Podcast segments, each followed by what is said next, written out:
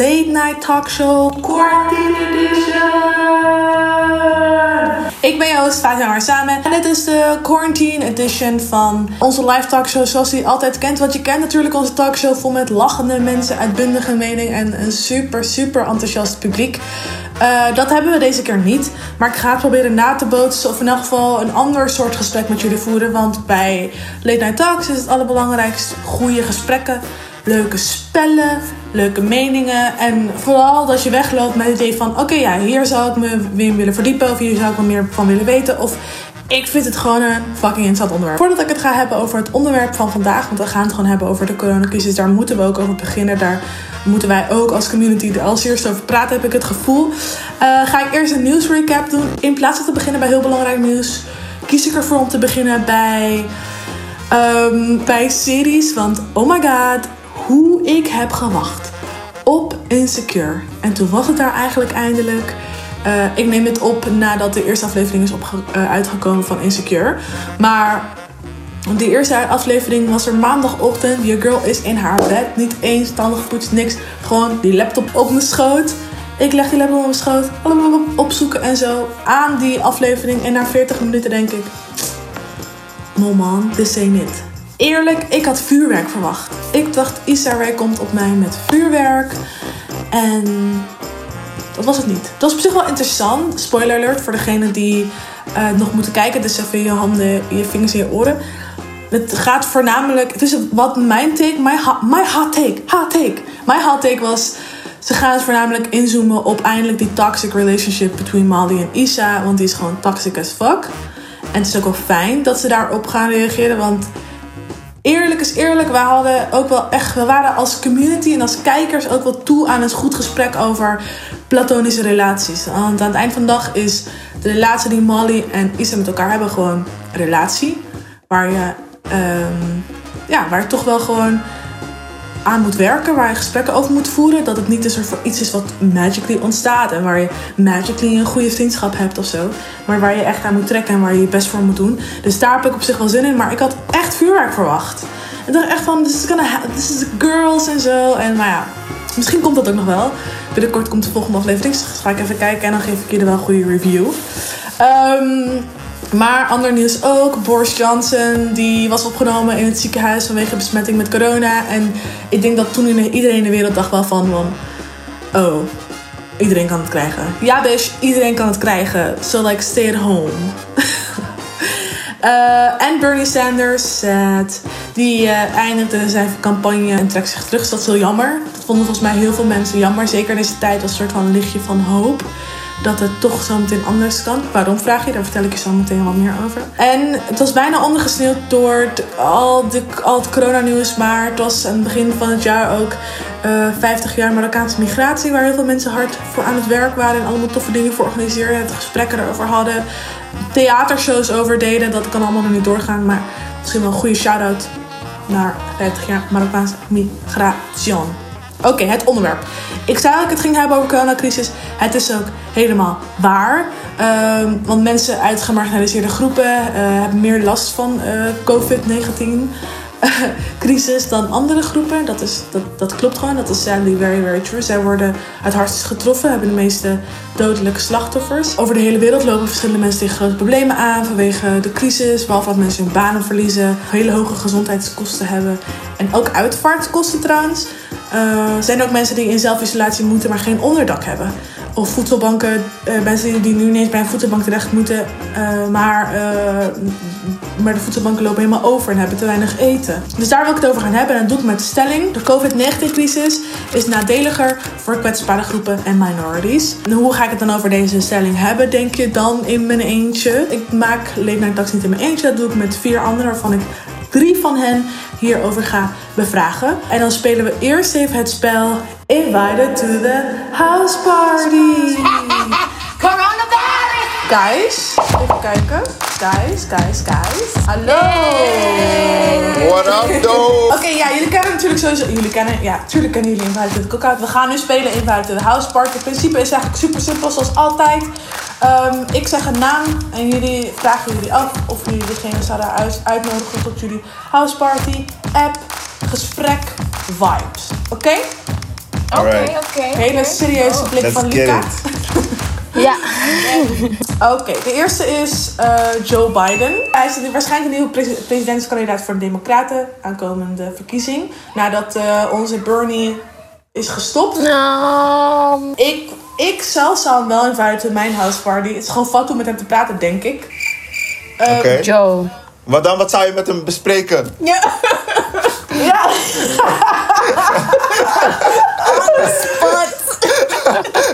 ik zag gewoon, ik zag gewoon zag hem gewoon met hem praten over hoe het was met Obama, wat hij, wat hij nu doet en zo. Weet ik veel, gewoon chillen. Ja, right. ja, Wat zou jij doen? Wat zou jij doen? Ja, dat wel. Eh, oh.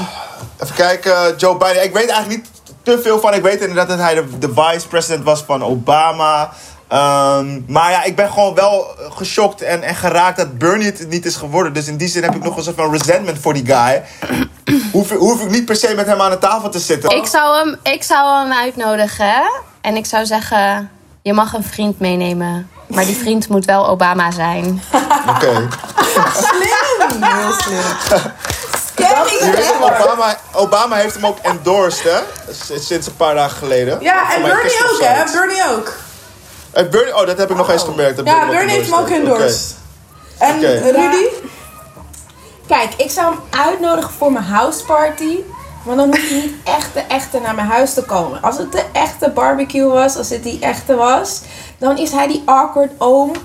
Waarvan je denkt, nou man, son, blijf gewoon, blijf gewoon thuis. Blijf gewoon thuis. Mijn houseparty is op afstand. Is cool, is cool, weet je toch? Da- daar kan je gewoon een gesprekje mee voeren. Is het haha, kan je inderdaad anekdotes krijgen van Obama.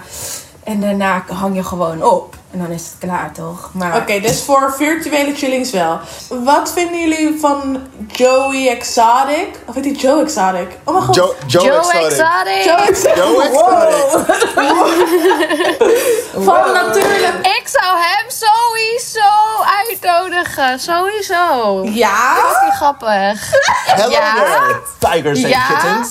Hello Carol fucking Baskin zou ik ook uitnodigen. En dan zou ik zeggen, fight. Ja? Kill your man. Ja.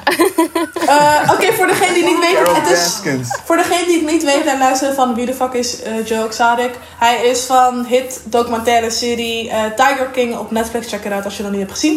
Maar het gaat basically over de big cats eh, van Amerika en alles daaromheen. Mysterie. Drie, Kijk. een man met drie, met twee mannen getrouwd en eh, honderden katten. Twee- Ja, ja, oké. ja. Het is gewoon een beetje... Kijk, een- wat- Ja. Ja, een vrouw die haar man heeft vermoord en Ja. vervoerd aan de tijgers. Allemaal dat soort dingen. Ik ben er totaal, ik sta totaal niet achter No, die dingen die hij not. doet. Hè? Zeker en ook niet. van zijn, alles is zo fucked up en het wordt steeds raarder. Maar ze zijn wel heel interessant om naar te kijken. Deze, en als we praten over house party, nou ik weet wel wie weet, wie weet, wie weet de feesten. Volgens mij kan Joe wel heel goed party. Ik Hij dus... kan echt wel Ja. feesten. Ik ben dus naar eh, drie ik zou, ik zou wel afleveringen. willen partyen met hem. Ja, en Ik zou Rudy? wel- ik, ik heb deze hele serie dus nog nooit gekeken. Oh wow, Oh. go check that shit. Echt waar man. No joke. Nee, eerlijk. Ja. Ik ken Rudy. Zij gaat dit niet. Zij, gaat dit, zij vindt dit Nee, het is, van. het is awful wat er, wat er wordt eh, gedaan met, eh, met al die tijgers. Het is natuurlijk idioot dat, dat het grootste deel van de tijgers uiteindelijk gewoon leeft in Amerika. In, in huizen van mensen, in Insane. achtertuinen, noem maar op. Het is echt inderdaad idioot. Maar ik vond het wel, die documentaire, elke episode Ja. nam, de, nam, ging, het- nam het gewoon nog een stuk verder. Ik was zo gewoon flabbergasted met hoe, hoe, hoe deze serie elke episode gewoon gekker werd. Ja. Tot het einde. Ja. Het wordt alleen Ja. maar gekker en gekker. Ja. Je denkt, gaan ze het nou volgende keer weer toppen? En ze toppen het gewoon weer. Het is Ja. gestoord. Wie noemde, Ja. het nou, wie noemde het nou de Game of Thrones, eh, de white trash Game of Thrones of zoiets? Brian, Geen volgens idee. mij. ja. In, eh, ja. maar ik heb het zelf nooit gezien. Ik, eh, ik zag een aantal dingen van Joe Exotic voorbij komen dat hij verbaasd was dat hij de N-word niet mocht zeggen en shit. Ja, ja, ja. Ehm, I don't know, man. Ik heb Oh. genoeg Ja. white trash om me heen. Skip deze. Ja. Als laatste heb ik eh, iemand die jullie waarschijnlijk veel kennen. Deze man trekt eh, de afgelopen dagen met zijn persconferenties meer dan 5, 6, 7 miljoen kijkers. Ik heb het over Mark Rutte.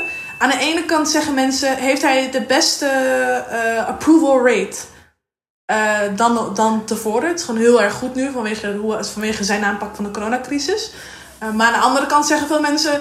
Mark Rutte is iemand die structureel beleid heeft gemaakt... waardoor mensen in zulke grote problemen gekomen zijn zoals nu. En dat komt door het beleid wat hij en zijn partij maakt. De vraag aan jullie is... Mark Rutte, handen omhoog voor degene die zeggen... Uh, Mark Rutte is wel invited to my house party. Ik denk dat Mark echt heel stijf is op een housevissen. Ja, man.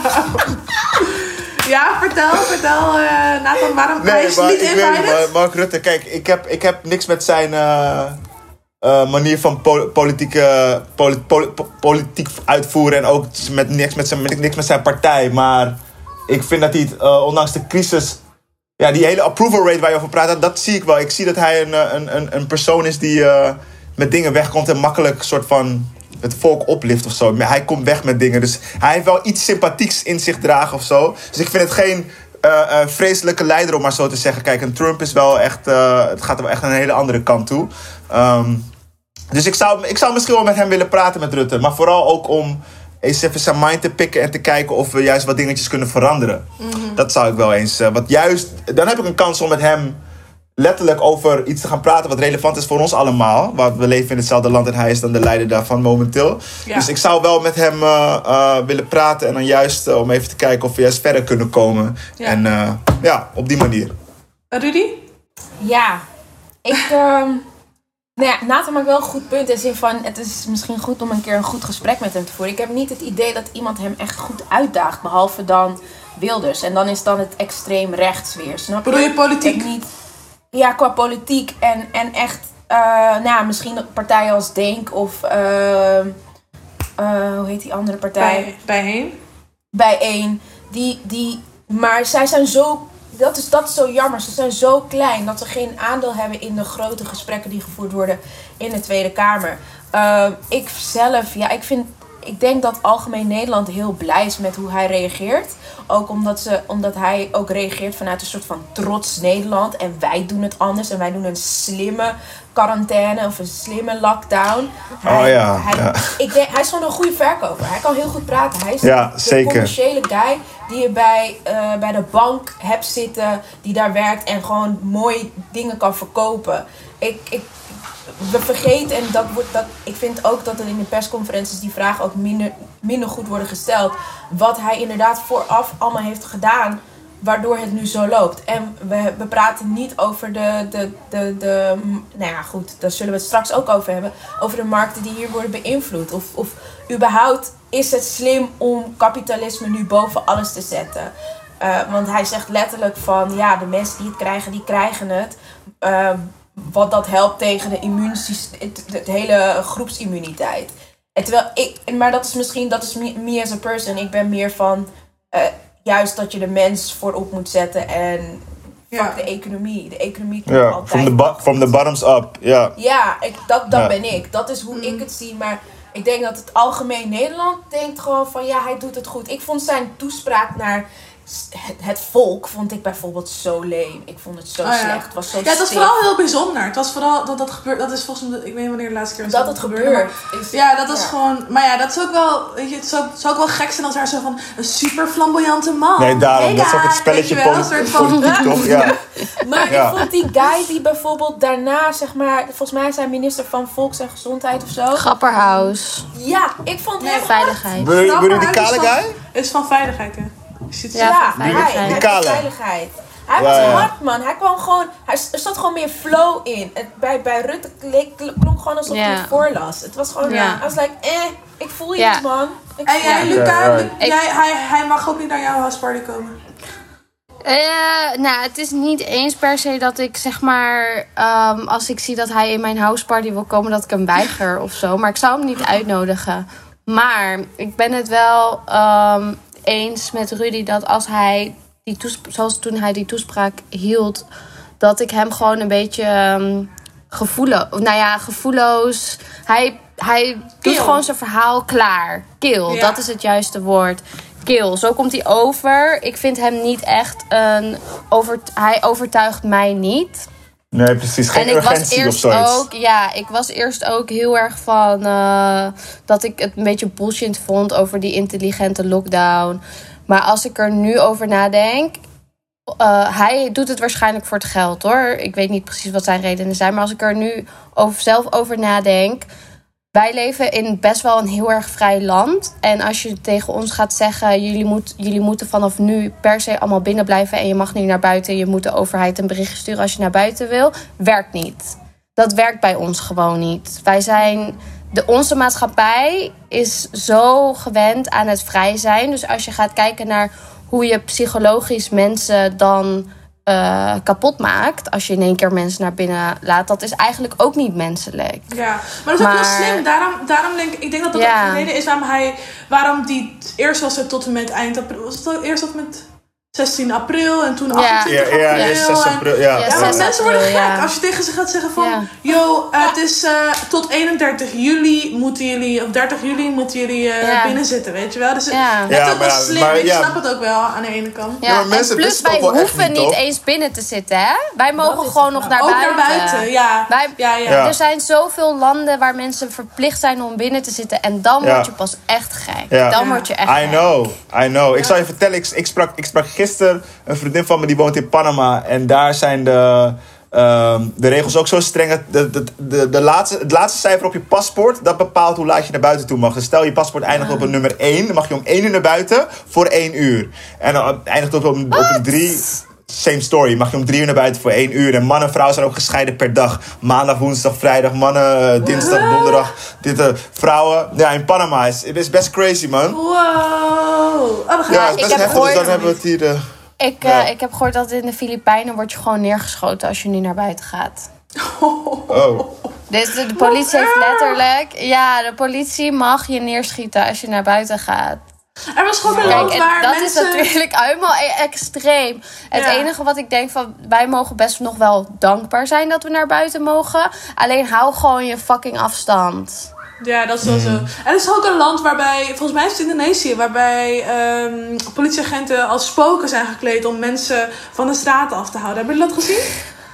Als spoken? Als spoken, ja. Ik zou het even hier erin zetten. Het zal, het me niks het verbazen. Ik, oh ja, ik zou, het zou me niks verbazen hoor. Want in Indonesië gaan ze sowieso crazier als het gaat over een geest... dan als je zegt van ik kom met een eh, pistool naar je toe. Ah. Ze rennen harder voor geesten dan voor pistolen. Ehm, ik, vandaag gaan we het dus hebben over de stelling, ook corona-related, of course. Ehm, en de stelling is dus, de COVID-19-crisis is nadeliger voor kwetsbare groepen en minorities. En mijn vraag is een beetje aan jullie, ik ga zo, ik ga zo meteen wat meer uiteenzetten wie, wie deze minorities dan zijn en wie deze kwetsbare groepen dan zijn. Wat de meningen hierover zijn voor's en tegens. Maar mijn vraag is ook gewoon aan jullie van, eh, hoe kijken jullie daar tegenaan? En ik wil even beginnen bij Luca. Ja, is Ja. zo.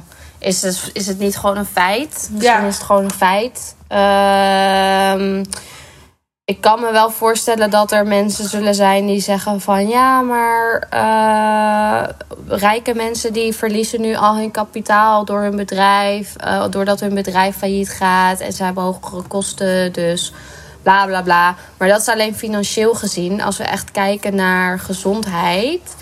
ja, kwetsbare groepen zijn. Het veel, veel nadeliger voor kwetsbare groepen en minorities. Ja. Zij werken meestal buiten. Eh, bijvoorbeeld in Amerika, buschauffeurs, die moeten gewoon werken. Ja. En die moeten gewoon mensen vervoeren. En die Ja. worden ziek. En als je dan geen geld hebt, daar dan voornamelijk. Als je geen geld hebt om daar een, verzekering te hebben, dan word je ook niet geholpen als je corona krijgt. Dus dat is Ja. gewoon fucked, man. Hoe heftig het is, ja. Ja. Ja. Nathan?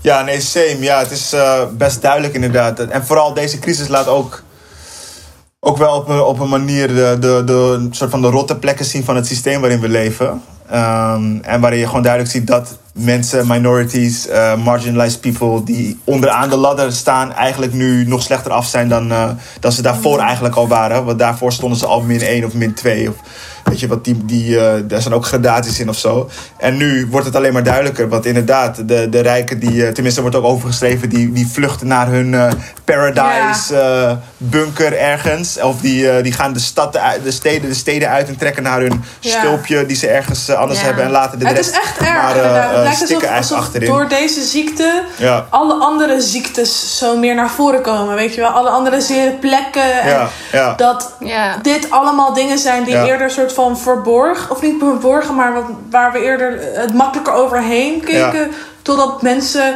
gewoon met de bosjes eh, begonnen neer te dood te vallen eigenlijk. Ja, ja, ja. En, en in het begin was er natuurlijk nog een soort van eh, idee eh, vanuit eh, de black community dat, dat corona iets was wat, wat Ja. niet hitte of ons niet hitte. Weet je, dat was in Amerika Ja. vooral het, het gesprek eerst van hey, weet je, don't, don't you worry man, Ja. this shit ain't gonna affect us.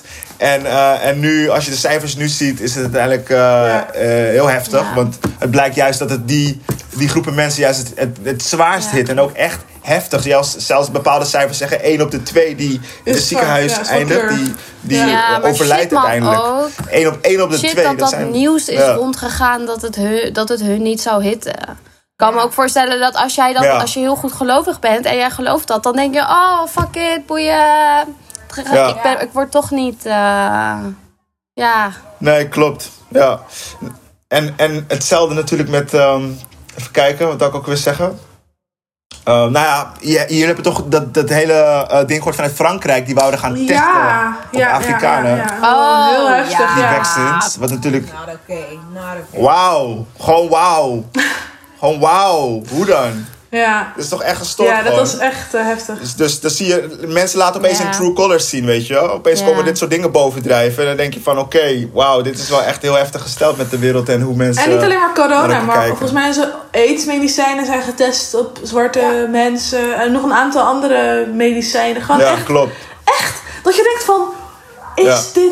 Twilight Zone of zo? Hoe, weet je wel? Ja. Van, is dit uit 19... ah, weet ik veel, 1900... Ja, Mind blown. Maar ook weer niet, I mean... ja, ja. Ook weer niet, ja.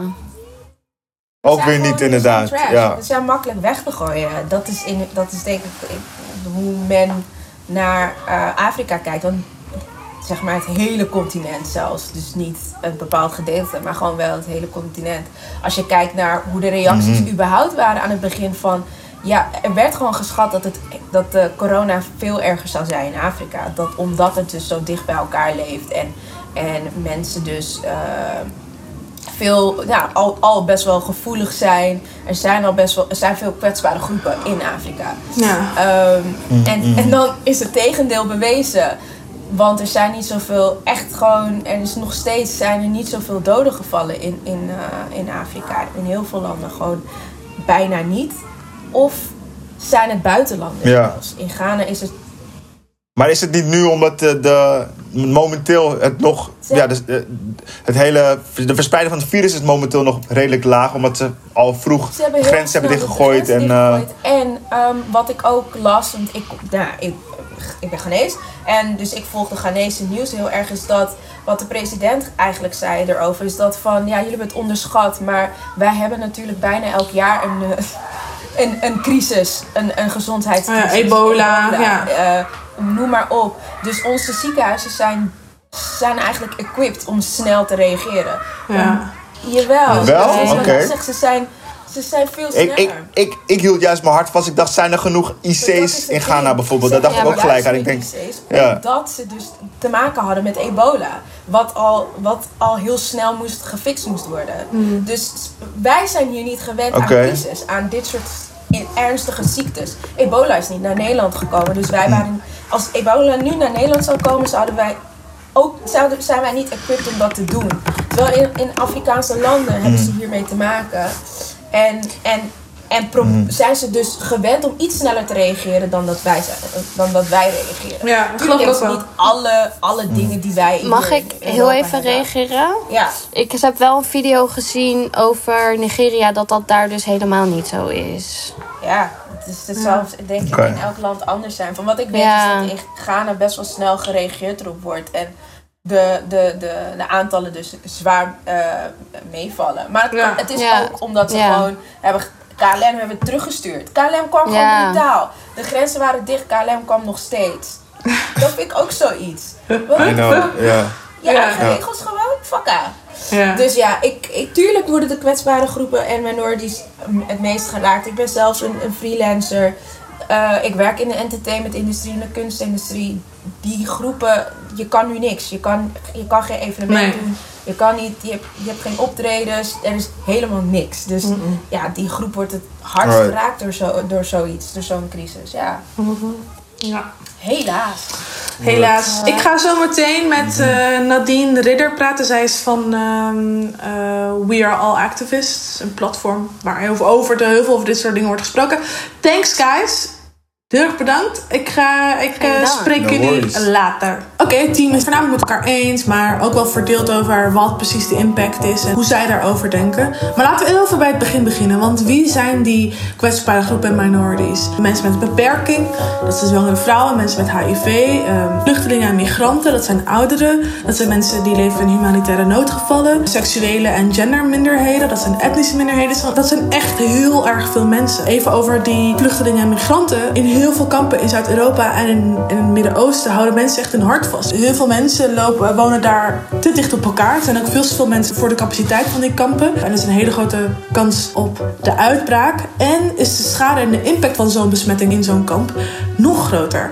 Heel veel vluchtelingen kunnen zich niet goed of goed genoeg beschermen tegen het virus. En zal dus bes- bestrijding best wel snel kunnen gaan escaleren. Eh, ook in de armere delen van Amerika komt het heel erg hard aan. Amerika is nu ook het land met de meeste eh, besmettingen en de meeste doden. Eh, eerder was dat Italië en daarvoor nog China natuurlijk. Het is vooral de Latino en de zwarte community daar die het hardst te maken eh, mee heeft. Want wat is eigenlijk het effect van racisme op het, het sterftecijfer van, de corona, van het coronavirus? En daar spelen dus een aantal factoren mee. En één daarvan is de raciale gezondheid van ongelijkheden. Die leiden tot verschillende chronische gezondheidsaandoeningen, zoals diabetes of hoge bloeddruk, wat je vaak hoort in eh, heel veel zwarte communities. En dat zorgt er weer voor dat zij een hogere kans hebben door ah, het virus krijgen natuurlijk met zoveel anderen, maar ook daardoor echt eh, daar dood te kunnen van gaan. Dat komt ook omdat heel veel van de POC mensen minder toegang hebben tot vers eten of door, tot gezond eten. Dat het leven in die gesegregeerde buurten met slecht geventileerde gebouwen en minder financiële middelen voor eh, gezondheidszorg. Daar komt, dat komt allemaal daar nog bovenop. Daarbij hebben ook eh, POC mensen grotendeels eh, op eh, laag betaalde arbeidskracht, dus service jobs. En zij zijn weer de mensen die in al die essentiële beroepen eh, werken. Dus eh, de supermarktmensen, maar ook de beveiligers, maar ook de zorgverleners, schoonmakers die people of color zijn. Of mensen die laag betaald zijn en dus daardoor in een eh, lagere sociaal-economische klasse zitten. Eh, maar wel het hardst werken tijdens zo'n crisis. Dat merk je dan weer dat, dat Mark Rutte elke keer, keer op keer weer zegt van...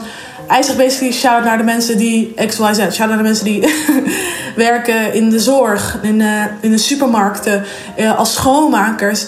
Literally everyone is de, de depending on schoonmakers. De mensen met het laagste inkomen eh, dragen nu de, de meeste zwaarte eigenlijk tijdens deze crisis, merk je dan weer. Over dit, maar ook over heel veel andere dingen sprak ik met eh, Nadine Ridder. Zij is oprichter, founder van eh, de website We Are All Activists. En zij vertelde me over wat, hoe zij hierover denkt. Eigenlijk is het voor mij is, is eh, wat het virus losmaakt eigenlijk tweeledig. Aan de ene kant haalt het ook, maakt het mooie dingen ook mooier. Dus de samenhorigheid en de solidariteit die er al is, wordt sterker. Dus dat zie je ook natuurlijk aan de ene kant.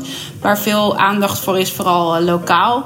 Ehm, en dan aan de andere kant zie je natuurlijk dat de ongelijkheid eh, ook meteen, eh, en ook vooral de, wat daar dan uit, uit eigenlijk de, de gevolgen daarvan, ook enorm worden uitvergroot. En daarin zie je dus ook meteen wat er mis is in de wereld, waarop eigenlijk iedereen dus op de manier waarop we dus in, in een geglo- geglobaliseerde wereld leven, iedereen direct met elkaar in verbinding staat op een bepaalde manier. Ehm, Kijk, en het verschil is dat eigenlijk was dat dus ook al zo. Dus eigenlijk ook al waar ik over begon met klimaat. Dat was natuurlijk al zo. Er, is, er zijn gewoon plekken waar mensen worden verdreven die nergens meer kunnen wonen. But nobody gives a fuck, weet je wel. Eh, Er zijn eh, de bosbranden in Australië. Er gebeuren iedere dag eh, sterven er duizenden mensen van de honger. Dat, dat zijn eigenlijk al enorme rampen waar vooral mensen in het Westen natuurlijk wel van weten. Maar wat, wat niet een, een, een nationale ramp op dit moment bij ons is. Dus het gaat er natuurlijk om dat op het moment dat de eigen bevolking in dit geval in het eigen individu raakt, het ineens een ander verhaal wordt. En dat is eigenlijk het verschil voor mij van dit virus versus andere rampen, als je het zo wil vergelijken, is dat op het moment dat mensen die dus kwetsbaarder zijn, uh, niet goed geholpen worden, dat ook direct mensen raakt die uh, niet kwetsbaar zijn. Dus die kunnen zich niet. En natuurlijk, zij hebben het beter, wij hebben het beter, want daar, hoor ik natuurlijk zelf ook gewoon bij, want wij hebben een eigen appartement. Niet iedereen, maar ik heb een eigen appartement, dus ik kan me daar gewoon. Uh, ik kan daar gewoon aan, uh, ik kan me daar gewoon isoleren zoals wordt voorgeschreven. En dus ik kan gewoon werken vanaf mijn laptop, allemaal dingen. Maar er zijn natuurlijk mensen, uh, zowel in Nederland uh, en zeker ook op andere plekken in de wereld, die gewoon uh, ja, niet eens meer gewoon hun dagelijkse boodschappen kunnen doen en werk niet meer kunnen uitoefenen. En ja, wat ik, wat ik ook een heel duidelijk voorbeeld vind, is bijvoorbeeld de kledingindustrie, hoe, hoe ziek die is. Ook, dat weten we natuurlijk altijd de mode-industrie. Maar dat je nu dus ziet op het moment dat dus minder wordt gekocht hier, omdat wij minder ja, de winkels zijn dicht. We, zien minder noodzaak om allemaal nieuwe dingen te kopen. Uh, dat ook direct natuurlijk ervoor zorgt dat mensen in de fabrieken uh, in andere landen die daar al zwaar worden onderbetaald. Ja, dat die producties gewoon worden stilgezet. En die mensen die hebben dus nu al helemaal niks meer. Terwijl als je uit kon gaan van een iets gezonder model, waarin mensen daar dus uh, een redelijk bedrag zouden krijgen voor hetgene wat wij uh, kopen. Dus dat betekent dat wij niet een t-shirt van 5 euro kunnen kopen, maar dat een t-shirt bijvoorbeeld gewoon 100 euro zou, kopen, zou kosten en dat we er dan één konden kopen in het jaar, zeg maar wat. Dan zouden die mensen nu ook beter. Um, voorbereid zijn en ook gewoon uh, de luxe hebben om bijvoorbeeld wat spaargeld te hebben of een, of een appartement of wat dan ook om zich te beschermen tegen het virus. En dat is er nu niet. Dus daarin zie je heel direct eigenlijk die link van hoe wij uh, invloed hebben op mensen op andere plekken van de wereld. Maar dat dat virus dus net zo hard weer onze kant op komt. Op het moment dat wij dus die mensen daar eigenlijk uh, ook niet helpen. En ik hoop dat dit de, de wake-up call is en de soort van reset-knop die we nu allemaal voelen. Waarvan mensen denken van ja, dit werkt dus blijkbaar niet. Oké, dus Nadine zei eigenlijk geloof in de kracht van de collectiviteit. Dat wij als mens samen dit kunnen oplossen. En dat kunnen we niet alleen. Nee, daar hebben we ook die rijken voor nodig. Daar hebben we ook juist een bedrijf voor nodig. Daar hebben we juist zo'n KLM uh, uh, voor nodig om uh, ervoor zorgen dat we samen de, de barsten en de scheuren in het systeem, zoals wij die, en in de samenleving, zoals wij die als, als mensen en als corporaties hebben opgebouwd, om dat weer gaan lijmen en ervoor zorgen dat het. Uh, dat dit soort dingen niet meer gebeuren in het vervolg. Dit is een hele lange journey, heeft het over. Uh, maar dat betekent wel dat we nu allemaal met z'n allen moeten wakker worden. Oké, virussen, they don't discriminate, maar systems do. Daar, komen, daar kunnen we volgens mij over eens zijn. Daar, ik denk dat dat ook het juiste antwoord is op deze stelling. Inderdaad, de COVID-19-crisis, die daarin worden de kwetsbare groepen en de minorities hard geraakt. Waardoor komt dat? Het legt ons systeem en de dingen die we hebben opgebouwd als, als samenleving um, bloot. Laat zien waar alle pijnpunten liggen, alle rotte stukken zitten. En daarin zie je dat inderdaad, de, het virus discrimineert niet. Dat klopt. Maar de systemen die wij in stand hebben gezet in de samenleving, die, die they do discriminate. De mensen die het hardst worden geraakt en de mensen die het meest kwetsbaar zijn, werken het hardst voor ons. Dat is, dat is eigenlijk iets heel engs. En daar zouden we denk ik vanaf moeten komen. En wat Nadine ook zegt van, we moeten hoop hebben. We moeten hoop hebben dat wij dit samen kunnen oplossen. Dat wij de mensen en de, de, de bedrijven en de gezaghebbers, onze politieke organen, dat wij hen accountable houden hiervoor om ervoor zorgen dat dit niet nog een keer gebeurt. En vooral hoe het anders kan. Maar wat ook zegt is natuurlijk wel waar. Het is, het is eigenlijk ook een hele mooie tijd. Een hele mooie tijd van solidariteit. Heel veel acties. Mensen doen allemaal mooie dingen voor elkaar. Zingen voor elkaar. Gaan op anderhalf meter paas, Pasen, uh, ontbijt doen. Mensen komen wel echt op voor elkaar. Dus dat is ook al vet. Ik zag dat een, um, een bedrijf die van die booth maakt voor uh, voor festivals. Dat zij die uh, nu hebben neergezet in verzorgingstehuizen. Zodat mensen het een soort van glazen ding, een soort van ja, een booth. Ehm, mensen daarin kunnen zitten. En dus toch wel op, bij hun ouderen op bezoek kunnen komen. Maar het lijkt me ook wel gek, want als je iemand bent die niet able-bodied is, iemand die een eh, bepaalde beperking heeft, die altijd wordt geforceerd om het huis uit te gaan, altijd wordt geforceerd van nee, je mag niet thuiswerken, nee, je moet naar buiten, nee, er is geen andere manier om te functioneren in de samenleving dan naar buiten te gaan. En nu zie je eigenlijk van wow, de samenleving kan wel 100% functioneren door thuis te werken. Dat voelt dan ook weer zo van oh, I had to like keep up with the society. Terwijl er zijn heel veel verschillende manieren om te functioneren. Dat, dat lijkt me ook alles aan het virus en, en alles aan de manier waarop wij als samenleving reageren op het virus, dat laat soms wat te wensen over, maar laat ook ons echt wel, denk ik, en hopelijk niet alleen ik, maar ook, ook jullie anders nadenken over de manier waarop we leven, de manier waarop we ehm, met elkaar omgaan, wat we voor elkaar doen, wat we van elkaar willen en hoe dat uh, anders zou kunnen. Laat me weten wat jij vindt. Uh, uh, van dit onderwerp. Laat me ook weten als je insecure hebt gekeken. Because like, I need people to talk about it. Um, en uh, tot snel!